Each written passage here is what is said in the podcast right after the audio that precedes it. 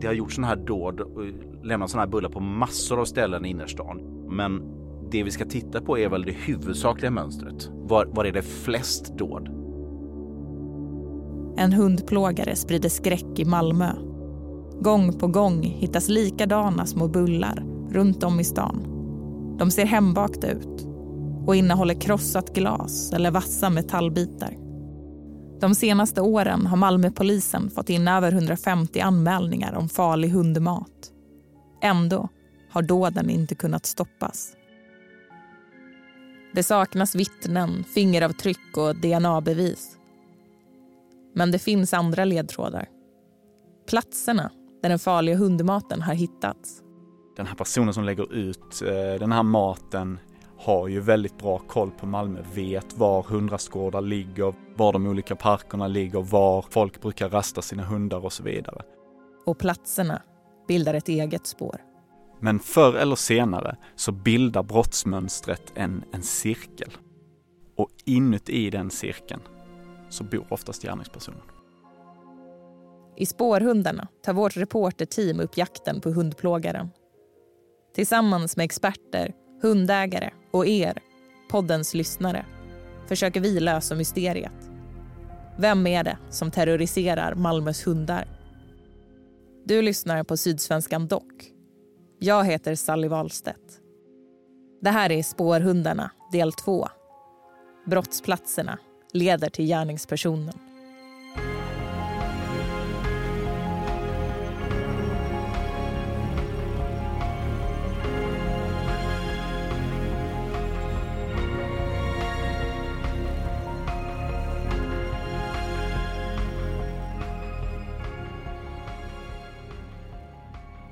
Här är ju jättemånga som hör av sig. Tipsen strömmar in. Det är folk som har teorier om vem som kan ha gjort det. Eller som har någon hypotes som de vill att vi kollar närmare på. Eller kanske själva sett någon skum person. Det här är min kollega Dan Ivarsson. En av reportrarna i Spårhundarna-teamet. Han, Maria Lovén, Julius Viktorsson, Joakim Palmqvist och jag betar nu igenom mängder av olika tips, spår och teorier. Julius, du har tittat lite närmre på just kartan, eller hur? Och eh, grottat ner dig i eh, de olika punkterna. Ja, alltså det jag har nu på min att göra-lista är att eh, vi måste gå djupare i den här kartan som vi redan har. Vi måste analysera alla fynden och se vilka fynd som eventuellt kan höra ihop, som där samma gärningsperson kan tänkas ligga bakom. Och sen måste vi ta kontakt med någon expert som har koll på det här med geografisk profilering och vet hur man ska analysera den här typen av karta. Du hade något namn eller? Ja, alltså jag har tänkt att jag skulle prata med eh, en man som heter Kim Rosmo och han är av många ansedd som världens främsta geoprofilerare. Vi ska återkomma till brottsplatserna och det unika spår som de bildar. Men först ska Dan Ivarsson och Joakim Palmqvist ta hjälp av Niklas Krig. Hundägaren som har byggt upp en egen spaningscentral i sin lägenhet på Möllevången. Tjena! Jocke! Tjena! Hallå! Dan. Välkommen in. Tackar, tackar. Nu har jag en hund där uppe som är jävligt hoppig, men eh, det är ingen som är livrädd för hundar. Nej, verkligen inte. Han är snäll, men eh, Stor och snäll. Den japanska spetsen Miko möter i hallen. nej, in, in. Så. Hans husse har blivit ansiktet utåt för privatspanarna som försöker få stopp på hundplågaren i Malmö. I lägenheten på Möllan ligger högar med kopierade polisanmälningar och fotografier. På datorn har Niklas Krig flera flikar med kartor uppe. Prickar i olika färger sprider ut sig över Malmö. Ja, några timmar om dagen i sitter jag och sysslar med det. Jag vet inte, det känns... Eh, I och med att det engagerar så mycket så känns det gött liksom. För ett par år sedan började han följa rapporterna om hunddåden i en Facebookgrupp för hundägare i Malmö. Nu driver han tillsammans med två andra privatpersoner sajten trygghund.nu där folk kan rapportera in händelser och varna andra. Men han har också djupdykt i fallen. Niklas Krig liknar situationen med sagan Alice i Underlandet. Trillar man ner i kaninhålet så hamnar man plötsligt i en galen värld där vanliga samband och logik inte längre gäller. Hunddåden har blivit hans kaninhål. Jag är fortfarande där nere och krälar tror jag, men äh, försöker ta mig upp. Men det är, alltså, det är så jävla lätt att... Det finns många teorier och det, hittar man en tråd så finns det liksom hundra andra samtidigt. Och faktum är att det har inträffat flera märkliga dåd i Malmö de senaste åren. Det brann på lekplatsen i Mellanhetsparken i Malmö i natt. Det är den tredje lekplatsbranden i Malmö på en och en halv vecka. Ett stort antal träd i Malmös parker har utsatts för sabotage den senaste tiden. Någon eller några har karvat i barken på träd i bland annat Slottsparken. Det är cirka 250 träd som utsatts för skadegörelse och polisen har ännu ingen misstänkt. Någon har dumpat stora mängder krossat glas i sandlådor på populära lekplatser i Malmö. Kommunen har gjort en av teorierna Niklas Krig undersöker är om den farliga hundmaten kan hänga ihop med andra dåd. Allt detta har ju hänt ungefär parallellt med varandra, liksom, vilket är helt knäppt. En annan fråga han ställer sig är varför hunddåden pausas under sommarmånaderna. Och det är där jag sitter och tittar mest just nu. Varför är det paus? Juni, juli, maj, juni, juli. Är det att någon jobbar och har semester? Är det någon som pluggar som inte pluggar längre? I och med att det här händer på natten, är det så att någon jobbar liksom ett nattjobb och sen får semester, då är det svårt att vara ute på nätterna om man inte jobbar på natten. Liksom. Eh, är det någon som delar ut eh, reklam på nätterna? Är det någon som cyklar runt? Liksom? Jag har ingen aning.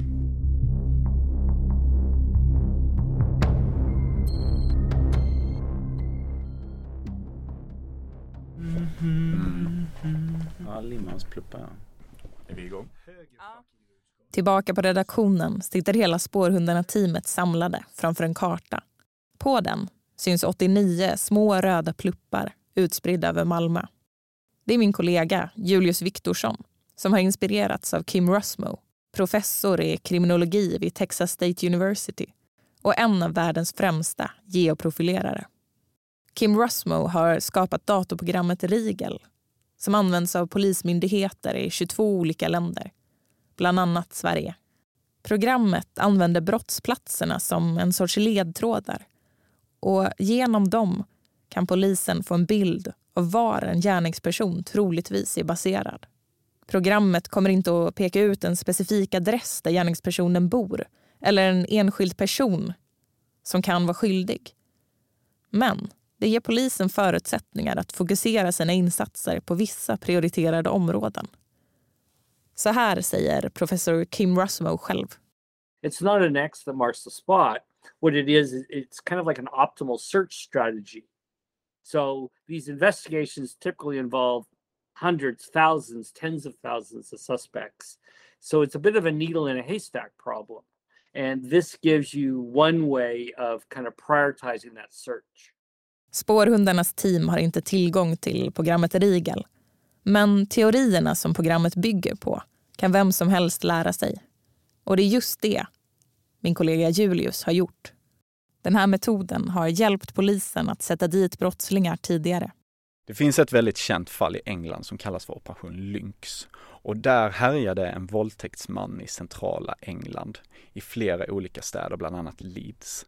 Då gjorde man en geografisk profilering och eh, ringade in två områden i Leeds där man trodde att gärningsmannen bodde. Och vad polisen gjorde då var att de tog över 7000 fingeravtryck på potentiella misstänkta i de här områdena och efter flera månaders arbete så hittade man gärningspersonen som sen erkände. Och då visade det sig att han bodde i ett av de här områdena som den eh, geografiska profileringen hade ringat in. Och sen bodde hans mamma, som han ofta besökte, i det andra området. Så i det fallet var geoprofileringen till stor hjälp eftersom man snabbare kunde ringa in potentiella misstänkta. Så det här kan vara ett användbart verktyg i jakten på hundplågaren. Kartan vi har framför oss är det första steget i vår geoprofilering.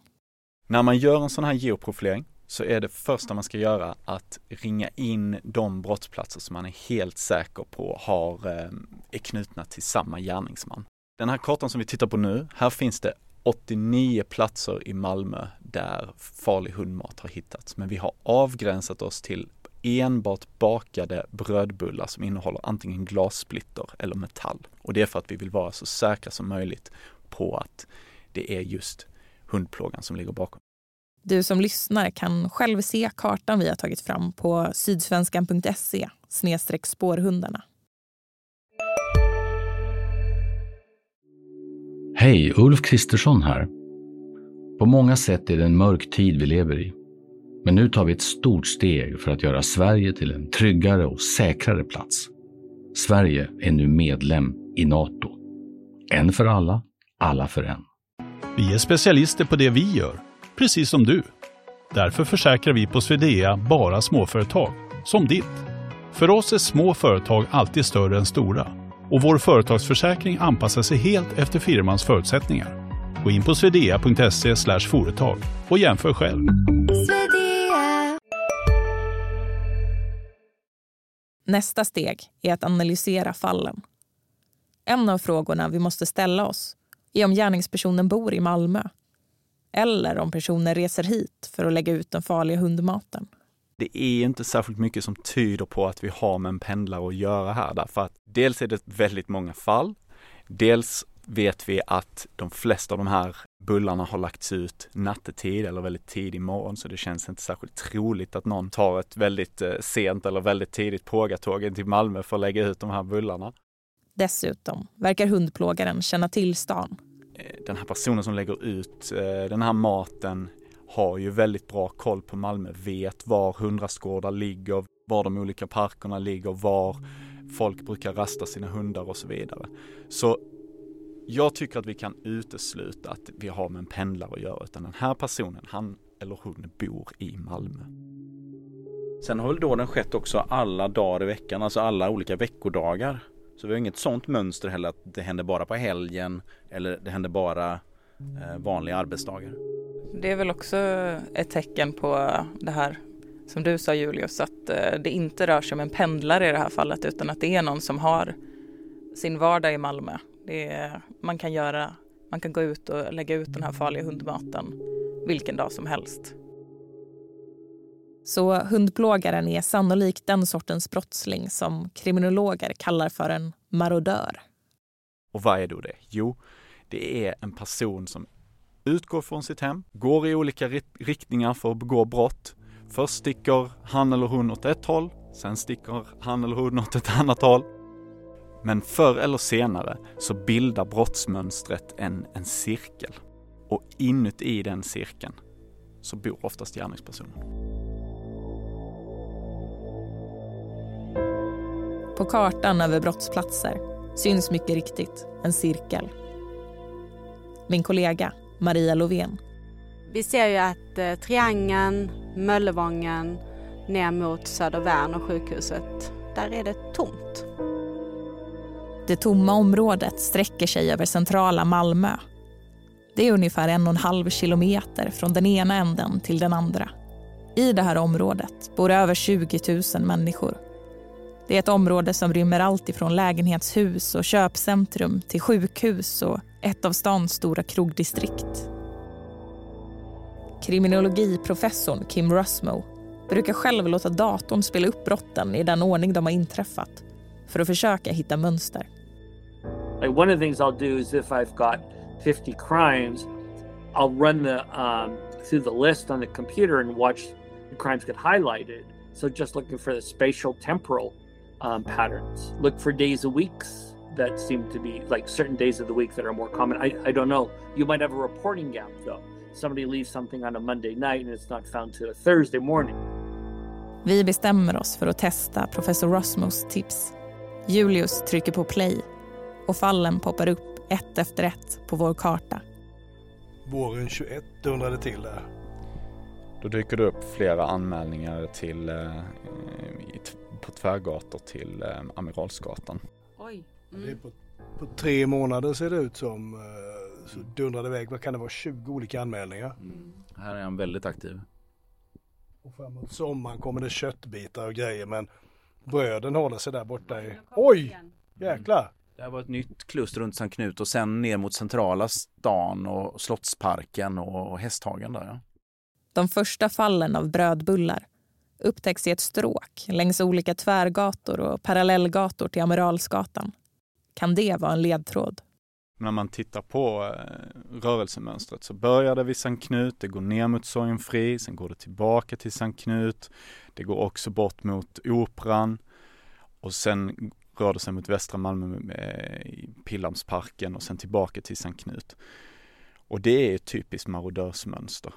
Och då kan man väl tänka sig att det är en person som bor i, eh, på Möllevången eller eh, kring Triangeln och som inte vill släppa de bullarna rakt utanför sitt eget hus utan går en kilometer eller någonting och där börjar göra det. Kriminologer pratar ju om någonting som kallas för buffertzon. Att man begår brott ofta i närheten av sitt hem eftersom det är områden man känner till och känner sig trygg i. Men man vill inte begå brotten på sin egen gata eller i sitt eget kvarter eftersom risken för upptäckt är så pass stor där.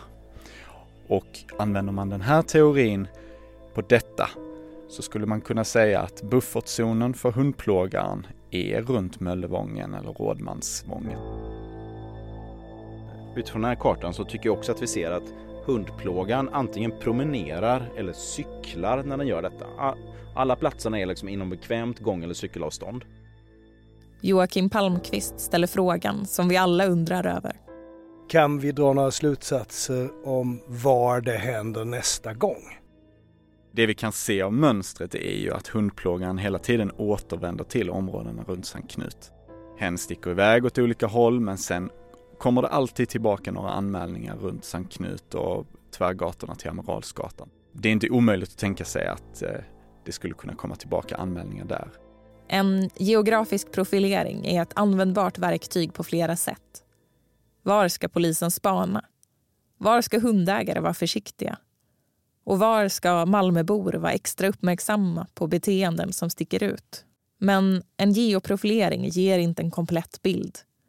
Verkligheten är inte som deckarna på tv där en enda ledtråd kan lösa allt. Kim Rusmo igen. The trouble with say a novel or TV show is often there's like one silver bullet that solves everything. But in the real world that's not the case. Ett problem är att vi inte vet exakt när hundplågaren har lagt ut den farliga maten. Tiderna vi har loggade i vår databas är tiderna när maten har hittats enligt polisanmälningarna. Det enda fallet där vi är någorlunda nära i tid, det är fallet vid Södra promenaden. För där hittade en hundägare varma bullar. Pusselbitarna börjar falla på plats. I Pildammsparken träffade vi hundägaren Emily Englesson som ni kunde höra i första avsnittet av den här podden. Ja, min sambo hittade de här bollarna utanför oss faktiskt i december. Eh, det var borta vid, vid polishuset vid kanalen. Det visade sig att hennes sambo, Daniel Snell, är den som hittade bullarna på Södra promenaden i december 2022. Klockan är omkring åtta på morgonen när Daniel Snell hittar tre små bullar på marken. Han reagerar på att de är varken hårda eller frusna trots att det är mitt i vintern. Han plockar upp dem och tar med dem hem till sin sambo. Paret filmar när de skär upp bullarna hemma i lägenheten. De ser suspekta ut. Ja, kolla. Mm. Det är någonting i. Mm. Det är knivar i där. Ja. Kniv. Rakbladsbitar i där. Mm. Mm. Där har de varit här. Bullarna på Södra promenaden sticker ut. Södra promenaden är också en bit ifrån Möllevången och Rådmansvången. Det är fortfarande inom promenadavstånd såklart. Men det sätter ju det fallet i ett lite annat ljus och då kan man ju börja tänka, är det en sträcka som hundplågaren brukar promenera? Gå längs med kanalen en söndagsmorgon. Bor eh, hundplågaren då kanske i en helt annan del av stan? Bor han snarare upp mot Värnhem eller Slussen och promenerar längs med Södra, Södra promenaden ner till stan? Hej, Synoptik här. Hos oss får du hjälp med att ta hand om din ögonhälsa. Med vår synundersökning kan vi upptäcka både synförändringar och tecken på vanliga ögonsjukdomar. Boka tid på synoptik.se. Kurrar i magen och du behöver få i dig något snabbt? Då har vi en Donken deal för dig. En chicken burger med McFeast-sås och krispig sallad för bara 15 spänn. Varmt välkommen till McDonalds. Men det finns andra fall som också sticker ut. Vid ett tillfälle hittas uppemot hundra bullar längs Roskildevägen strax intill Pildammsparken. Det måste ju ta sån otrolig tid. Om man tänker att det är en person som går ut med hundra bullar åt gången, då är det ändå hundra sådana här små Mm. metallbitar som är utklippta, utklippta igen för att delas upp, böjda och inbakade i bullarna. Mm. Det känns otroligt tidskrävande. Där måste vi ju ta reda på. Alltså är det så, om det är så tidskrävande, då är ju själva bakandet en del av, av eh, psykologin bakom det hela. Då får marodören någon slags tillfredsställelse av det. Vad är det egentligen för person som i två års tid har bakat små bullar, fyllt dem med vassa föremål och lagt ut dem för att skada hundar? Har den personen som lagt ut brödbullarna också gjort fler saker? Till exempel köttbitarna. Jag pratar om detta med glasbitar på lekplatser. Någon som gått runt i Malmö och skurit träd. Samma typ av vansinnesdåd men ett annat utförande. Är det, kan några av de sakerna vara gjorda av samma person? Sen spårhundarna påbörjade sitt arbete har inte ett enda fynd av farliga bullar rapporterats till polisen. Hundplågaren har legat lågt. Men så plötsligt dyker upp flera fall på rad. Och under tunneln så sparkade jag på någonting så såg jag någonting som rullat. Så tittade jag och såg att det var ja, någon sorts boll. Sydsvenskan Dock fortsätter jakten. I nästa avsnitt av Spårhundarna analyserar vi de nya fynden och vad de säger om gärningspersonen. Vi har inte hittat något. Vi ser att här är flera andra hundägare som är ute och letar eh, nu på morgonen. Men... D- vänta, där! Titta! Titta på fan! Kolla! Kolla, kolla, kolla, Jag har kolla, kolla, kolla, kolla, kolla, kolla. Jag har plasthandskar.